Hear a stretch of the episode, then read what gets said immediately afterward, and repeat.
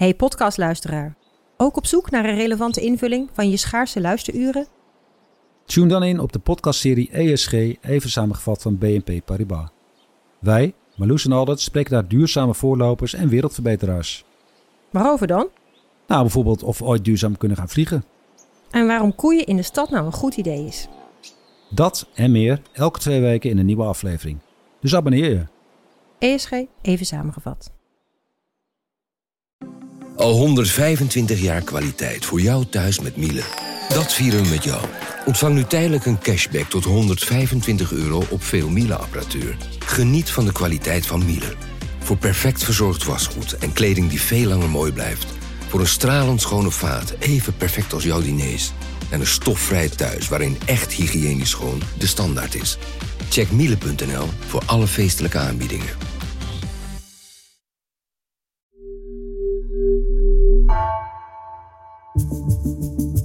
Vanaf de redactie van NRC het verhaal van vandaag. Mijn naam is Floor Boon.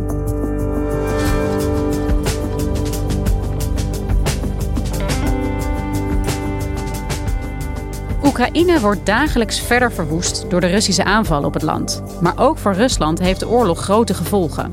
De westerse sancties treffen Rusland hard en de gevolgen daarvan worden nu langzaam duidelijk, ziet correspondent Eva Kukier.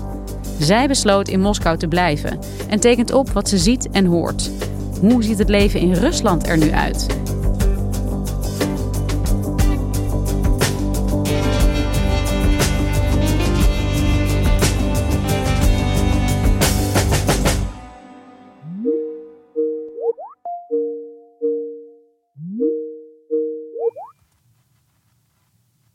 Oh ja, daar ben je. Hey, ja, ik hoor jou. Oké. Oké. Hey Eva, wat goed om jou te hebben hier en jou te horen. Want jij zit in Moskou. Hoe is het daar? Hey Floor, ontzettend goed om je te horen inderdaad. Uh, ik zit in Moskou en uh, hoe het hier is, dat is eigenlijk al best een ingewikkelde vraag. Uh, heel sec, als ik naar buiten ga, dan schijnt de zon. Dan zijn de straten vol met mensen. De winkels liggen vol met eten. Mensen gaan naar hun werk. Uh, mensen rijden met hun stepjes over de stoep. Uh, kinderen wandelen en spelen in het park. Eigenlijk hier tegenover is een skatepark waar jongeren iedere dag uh, op hun skateboard rondjes rijden. Dat is hier direct het straatbeeld wat ik zie als ik naar buiten ga. En dat is natuurlijk heel surreëel als we nagaan wat er de afgelopen maand aan verschrikkelijke dingen is gebeurd. Ja, want uh, een van de redenen dat wij jou nu spreken, dat wij nu contact hebben, terwijl uh, de oorlog al uh, ruim een maand bezig is, is omdat er, ja, de, de, situatie was zo onduidelijk en onoverzichtelijk. Het was natuurlijk ook even zoeken voor jou welke plek jij daarin kon innemen. Als we nou even teruggaan naar ja, de, de eerste dagen voor de oorlog en het moment dat die oorlog uitbrak. Waar was jij? Hoe, hoe was dat voor jou? Ik was toen in Moskou. Ik had hier een dag met medische test. Want buitenlanders moeten in Rusland tegenwoordig onderworpen worden aan een hele reeks uh, medische tests. Waarin we moeten bewijzen dat we geen ziektes hebben, geen HIV, geen TBC, uh, geen corona. Uh, dat we niet gek zijn, dat we geen drugs gebruiken. Dus ik was daar een hele dag mee bezig. En tegelijkertijd ontwikkelde zich dat nieuws heel snel in de, in, in de Donbass. En hield ik daarover contact met de redactie. En we besloten dat ik de volgende dag naar uh, het zuiden zou reizen. En er was een stroom van ja, evacuees, vluchtelingen uit dat gebied op gang gekomen naar Rusland.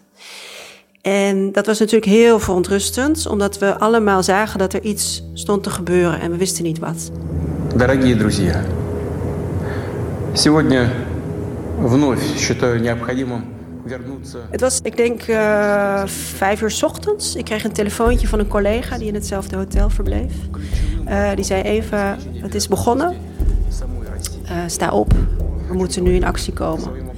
Ik ben natuurlijk als een gek mijn bed uitgekomen. Ik heb mijn kleren aangeschoten en ik ben naar de lobby gegaan van het hotel waar de televisie aan stond en waar we de speech van Poetin konden zien. Трагическим событиям, происходящим на Донбассе. И ключевым вопросом обеспечения безопасности самой России. Nou ja, en dat was natuurlijk heel onwerkelijk, omdat we allemaal niet wisten wat er stond te gebeuren. Maar we wisten wel dat hè, dat gebied waar wij zaten, wat volledig gemilitariseerd was, waar de afgelopen weken daarvoor uh, heel veel uh, militair materieel uh, rondreed en allemaal hè, rond de Oekraïnse grens werd gestationeerd. Dat die allemaal op het punt stonden om Donetsk, Luhansk binnen te rijden en daarmee dus Oekraïne binnen te gaan. En toen, wat, wat ben jij gaan doen? Ben je daar gebleven of wilde je juist zo snel mogelijk terug naar Moskou? Ik ben op dat moment gebleven. Ik ben het gebied ingereden. Ik ben ook naar de grens gereden om te kijken wat we konden zien van, van, het, van wat er gebeurde. Dat was niet veel. Het hele gebied was eigenlijk al leeg. En dat is heel onheimisch, omdat daar heel erg veel militair materieel was. En dat er niet meer was. Dus dan weet je waar dat heen is gegaan. Dat rijdt allemaal nu Oekraïne binnen. Um, en we weten niet met welke opdracht. Dus ik ben daar nog gebleven en vervolgens moest ik daar blijven, want het luchtruim werd gesloten. Zowel in Oekraïne als in Rusland, heel Zuid-Rusland, werd het luchtruim gesloten. Dus mijn vlucht werd geannuleerd. Dus uiteindelijk, wat heb ik gedaan? Ik heb een uh, taxi gevonden, een taxichauffeur die bereid was om mij en een collega die ik in Rostov heb opgehaald naar Moskou te rijden. Dat is ongeveer 1300 kilometer, 10, 12 uur rijden. Uh, helemaal van Zuid-Rusland, helemaal naar Moskou. En nou ja, je kunt je voorstellen, dat was een, ja, een absurde nacht. En, uh, ook omdat je permanent op Twitter, op sociale media het nieuws zit te volgen. Ik heb zelf nog een stukje eh, achter het stuur gezeten van die taxi, want mijn taxichauffeur viel in slaap en begon met sneeuw in zijn gezicht te wrijven. En ik zei, weet je, ik ga een stuk nu rijden. Dus um, het was echt een heel, heel, heel absurd avontuur. Uh, totaal in de stress, geëmotioneerd, maar ook hè, wat gebeurt er? Wat moeten we opschrijven? Wat moeten we gaan doen? En zo ben je gewoon, ja, iedere uur ben je je positie aan het bepalen. Ja, want uh, in die eerste dagen is er natuurlijk heel veel onzekerheid, heel veel onduidelijkheid. Wat gebeurt er? Wat gebeurt er niet? Wat zag je om je heen? Was er paniek in Rusland? Waren mensen uh, geëmotioneerd? Was het chaos? Of ja, hoe zag het er daaruit? Ja, en daar, daar begint eigenlijk het surreële. Het surreële wereld waar ik sindsdien in leef. En s ochtends kwamen we aan in Moskou, een minuutje of tien. En uh, ik moest het laatste stuk, ben ik met de metro gegaan. En dan kom je eigenlijk hè, vanuit jouw staat uh, van uh, paraatheid ook. Hè. Er, is, er is van alles aan de hand. Er is totale paniek in het westen, in Oekraïne. Kom je in Moskou en je komt de metro binnen en het is totaal kalm. Mensen gaan naar hun werk. er zijn geen emoties. Er is niks te merken van de opwinding die jij voelt. Uh, en die iedereen met jou voelt ongeveer in de wereld. Um, en nou zijn de Russen in het openbaar sowieso niet, hè, die delen hun emoties niet erg in het openbaar. Maar toch, het was voor mij een totaal surreële wereld. Ik dacht, hè, dit kan niet waar zijn. Ja, en toen kwamen die eerste twee onoverzichtelijke weken als een soort opmaat naar ja, de, de wet die uh, Rusland op 4 maart aannam. Die wet waarin iedereen die zich uh, kritisch zou uitlaten over de oorlog ja, een, een gevangenisstraf riskeert. Well, a new Iron Curtain has fallen in Russia, and this time it's an information Iron Curtain. These acts of defiance come as Russia's parliament passed a law effectively criminalizing the spread of information opposing the Kremlin's narrative on the war against Ukraine. Simply calling it a war or an invasion instead of a special military operation can lead to up to 15 years behind bars. Uh, dit is een moment geweest dat er heel veel journalisten zijn vertrokken uit Moskou en uit Rusland. Jij bent gebleven. Waarom? Klopt. Kijk, wat er nu gebeurt in Oekraïne, in Rusland, in de hele wereld is verschrikkelijk. Het is beangstigend. Het is historisch. En wat Rusland betreft, dit land dreigt door de politiek, door Poetin en door de internationale sancties nu decennia van vooruitgang te verliezen. En 140 miljoen Russen dreigen hun baan, hun toekomst en hun leven. Zoals ze het tot nog toe kenden de afgelopen 20, 30 jaar, totaal te verliezen. Moreel is dat niet te vergelijken met wat er in Oekraïne gebeurt. De, de vernietigingen in Oekraïne, het leed in Oekraïne. En in Rusland gebeuren er ook historische dingen. En als je hier geen ogen en oren hebt om dat te registreren en om dat op te schrijven en ook om te registreren wat je niet kunt opschrijven, dan weet je niet meer wat zich afspeelt in het land. En ik denk, hè, dan gaat daar ook heel veel kennis mee verloren van wat hier eigenlijk gebeurt. En ik denk dat dat heel erg gevaarlijk is, ook gezien de, hè, gezien de politiek, politieke situatie in het land en gezien de totale onvoorspelbaarheid van Poetin en het Kremlin. En daarbij, er gaat ontzettend veel desinformatie rond, ontzettend veel fake news, halve waarheden uh, over, ja, over wat er in Rusland gebeurt, over wat er in Oekraïne gebeurt. Er is een informatieoorlog gaande. En uh, ja, voor mij is dat allemaal zijn dat redenen om hier proberen te blijven, zolang het kan. En ja, is hier miljoenen Russen die niet weg kunnen, die hier zijn en die dit allemaal ondergaan. Ja, en ik wil weten hoe, hoe dat verder gaat. Ik wil weten hoe dit verhaal verder gaat. Ja, en hoe gaat het verhaal tot nu toe? Wat heb jij zien gebeuren die afgelopen maand? Als we het bijvoorbeeld hebben over de sancties, de vele sancties die de EU en de VS hebben afgekondigd.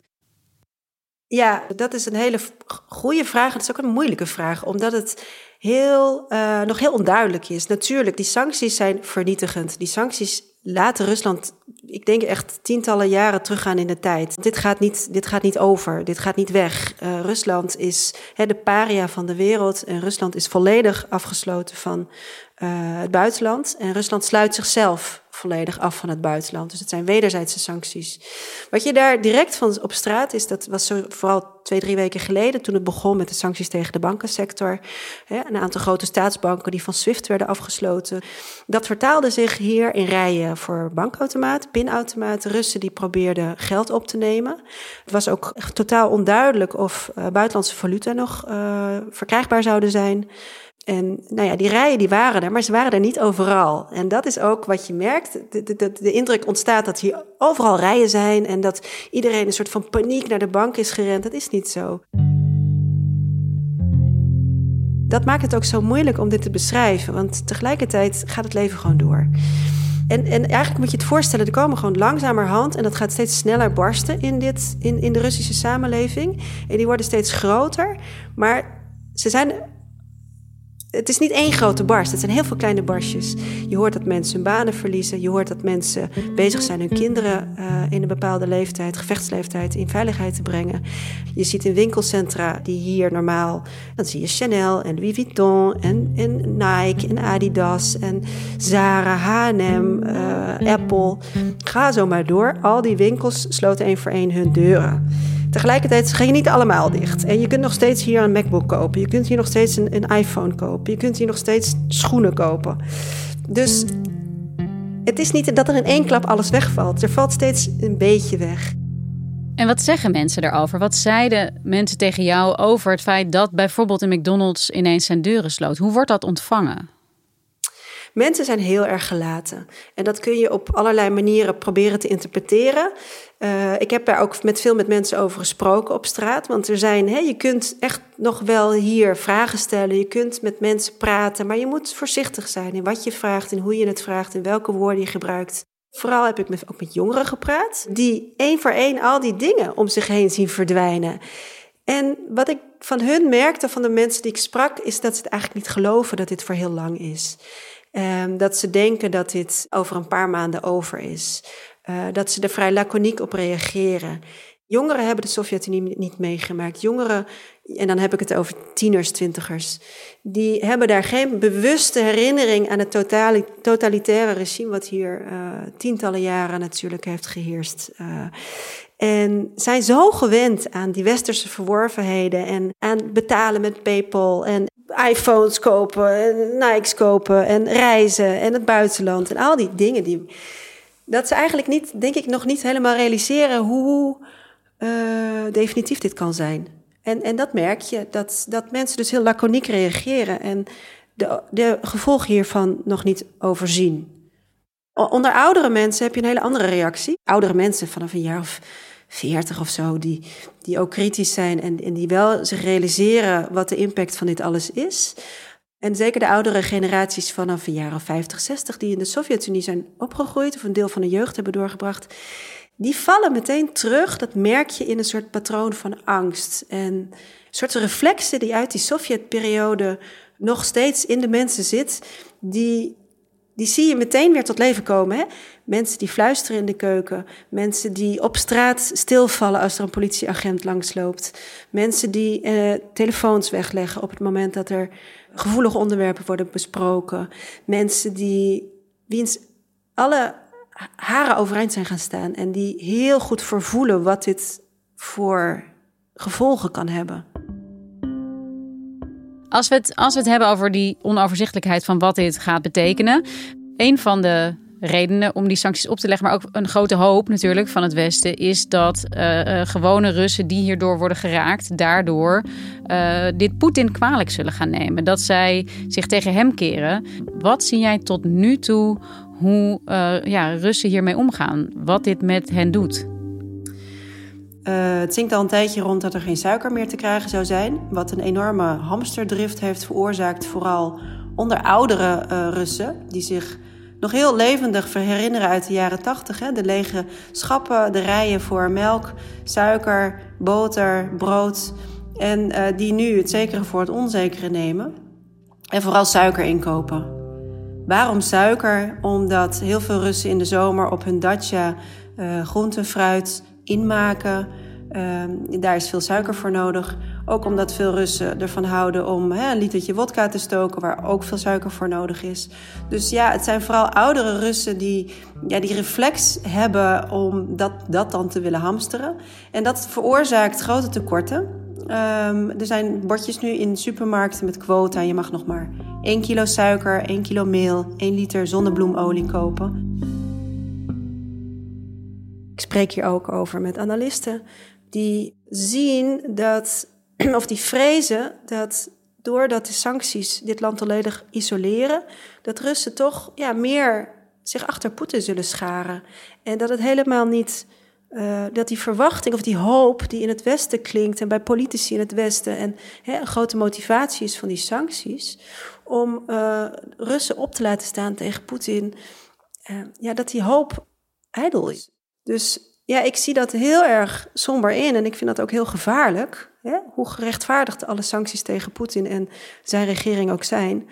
Dat de Russen worden geraakt, de gewone Rus, die alles kwijtraakt. En ja, Poetin zit in het zadel. Er zijn een aantal belangrijke mensen uit zijn uh, inner circle uh, vertrokken. Maar toch, die, die inner circle is heel klein en is heel hecht. En we zien daar op nog geen enkele manier een uh, soort opstand of een soort paleisrevolutie, uh, zoals dat altijd wordt genoemd. Dat zien wij nog helemaal niet hier ontstaan. Dus ja, er is een totaal confrontatie tussen Poetins Rusland en het Westen. En voorlopig ja, is, is nog helemaal niet gezegd welke kant dat opgaat. En wat ga jij nog doen? Wat kun jij doen en hoe ga jij de komende tijd, hoe wil jij de komende tijd je werk voortzetten daar? Ja, dat is, dat is echt, uh, dat, dat, die vraag beheerst mijn, uh, beheerst mijn uh, leven hier. En mijn werk natuurlijk. wat kun je nog zeggen en wat kun je niet meer zeggen? waar ligt de grens? Dus je weet niet meer waar je houvast aan hebt. Dat weten advocaten ook niet. En dus, dus moet je de hele tijd afvragen hoe je hiermee omgaat. Um, en wat je nog wel niet kunt zeggen. Heel veel journalisten zijn begrijpelijkerwijs vertrokken. Ik weet nog niet hoe lang ik hier kan blijven. Ik werk hier nu door. Maar het moet de komende tijd voor mij ook blijken in, in hoeverre dit nog een werkbaar uh, klimaat is. En in hoeverre je natuurlijk nog in kunt staan voor je eigen verslaggeving. En ook voor de veiligheid van je bronnen. En op dit moment sta ik echt in voor wat ik schrijf natuurlijk, je moet een aantal woorden, je moet, je, je moet in zekere zin, je moet jezelf aanpassen aan deze werkelijkheid. Wij, schrijven natuurlijk vanuit veel dictatoriale regimes en, en, en totalitaire landen. Dus dat zullen correspondenten in die landen ook herkennen. Maar tegelijkertijd, het is niet zo dat ik niet meer kan schrijven wat, wat hier gebeurt. Dus zolang ik dat denk nog te kunnen, en dat nog denk te kunnen ook wat betreft natuurlijk primair mijn eigen veiligheid, zal ik proberen om hier te blijven. Dankjewel, Eva. Dankjewel, Floor. Je luisterde naar vandaag, een podcast van NRC. Eén verhaal, elke dag. Deze aflevering werd gemaakt door Anna Kortering en Jeppe van Kesteren. Dit was vandaag. Morgen weer.